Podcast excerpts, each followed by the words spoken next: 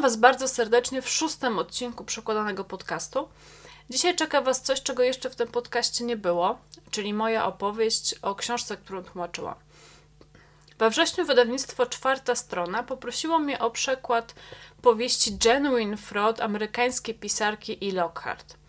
Kłamczucha, bo tak ostatecznie, jak się dzisiaj dowiedziałam, nazywać się będzie ta pozycja na polskim rynku, jest przeznaczona dla tak zwanego młodego dorosłego. Ale być może lepiej znacie nazwę tego nurtu po angielsku, czyli Young Adult. Oczywiście książki Young Adult mogą być różne. Od romansów przez e, literaturę fantazy, którą też tłumaczyłam i w tej chwili nawet tłumaczę, aż po kryminały. E, I właśnie z tym ostatnim najwięcej ma wspólnego kłamczucha. Powodem jest fakt, że w tej książce dochodzi do stopniowego odkrywania wydarzeń, które doprowadziły do śmierci pewnej bardzo bogatej młodej kobiety i Mogen Sokolow. A więc w pewnym sensie rozwiązujemy zagadkę kryminalną, chociaż nie tak jak w klasycznych kryminałach poprzez przyglądanie się pracy śledczych, a poznawanie całej historii od końca. Główną bohaterką powieści jest bliska przyjaciółka Imogen, Jule.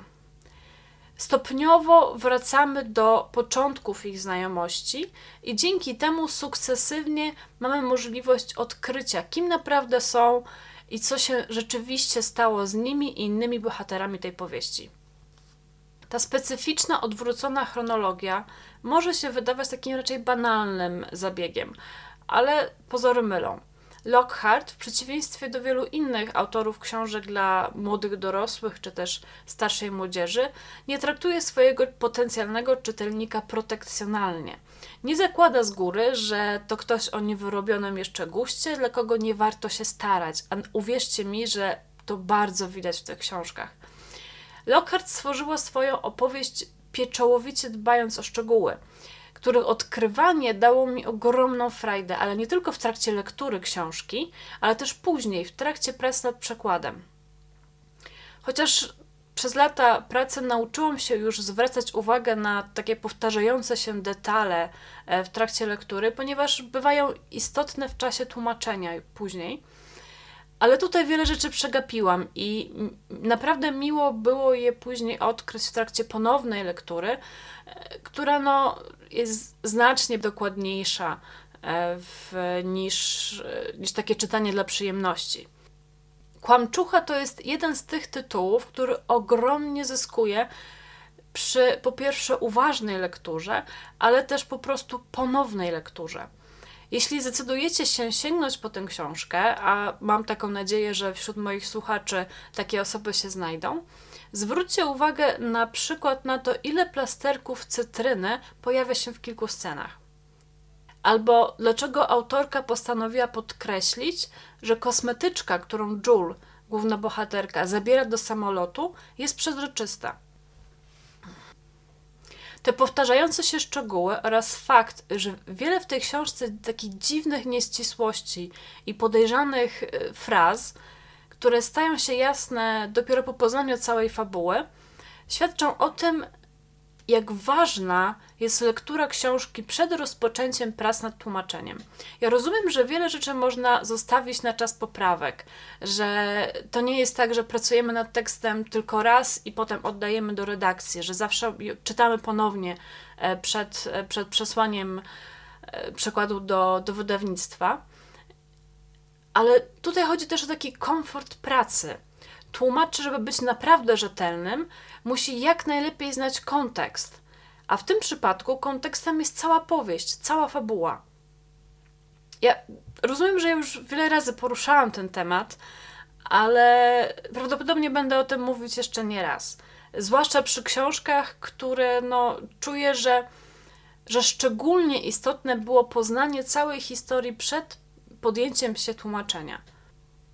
A muszę przyznać, że w przypadku konkretnie tej książki, Kłamczuchy i Lockhart, czuję, że mój komfort pracy byłby znacznie, znacznie niższy, gdybym nie znała całości fabuły.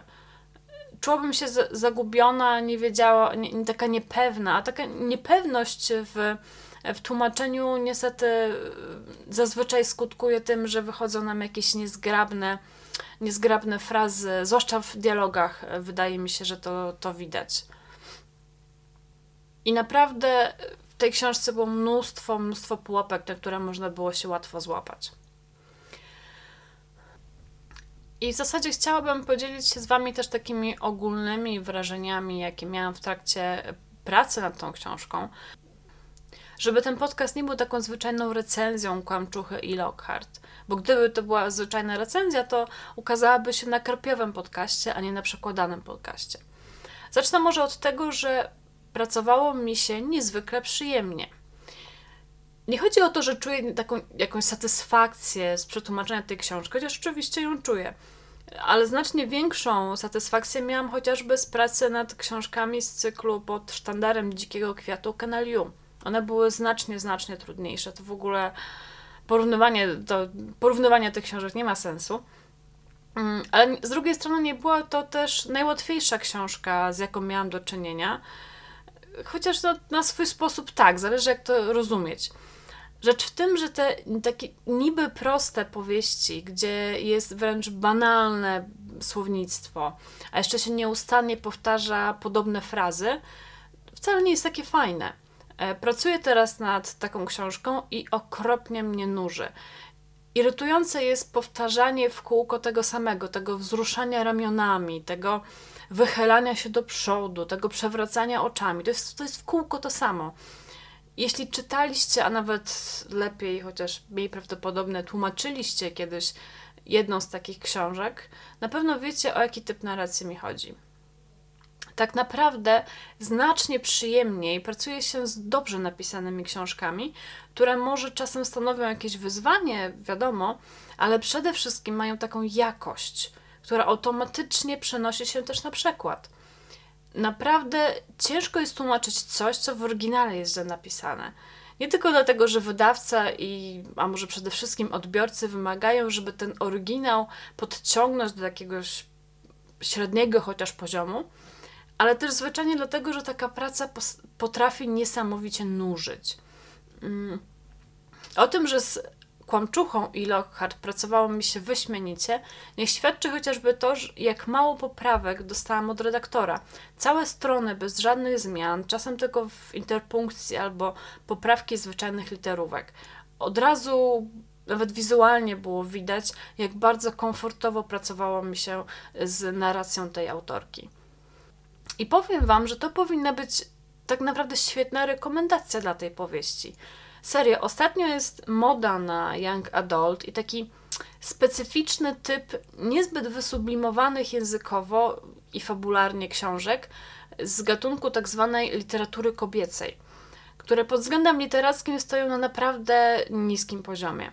Czasami mam wrażenie, że są pisane tak mechanicznie, po linii najmniejszego oporu. Dlatego może warto szukać czegoś, choć trochę ambitniejszego. No wiadomo, że to nie jest literatura wysoka, to nadal jest e, thriller, który w ogóle w przypadku akurat tej książki można swobodnie połknąć w weekend i, i zwyczajnie świetnie się bawić, ale myślę, że nawet w tej literaturze czysto rozrywkowej mamy jednak tą niską półkę i tą przynajmniej średnią półkę, gdzie chociaż pod względem literackim to jest po prostu dobre. I ja bym chciała takie książki tłumaczyć. Świetnie się z tą książką pracowało i jestem pewna, jestem przekonana, że będzie się też świetnie czytać. I z tymi słowami Was zostawiam. Do następnego. Cześć.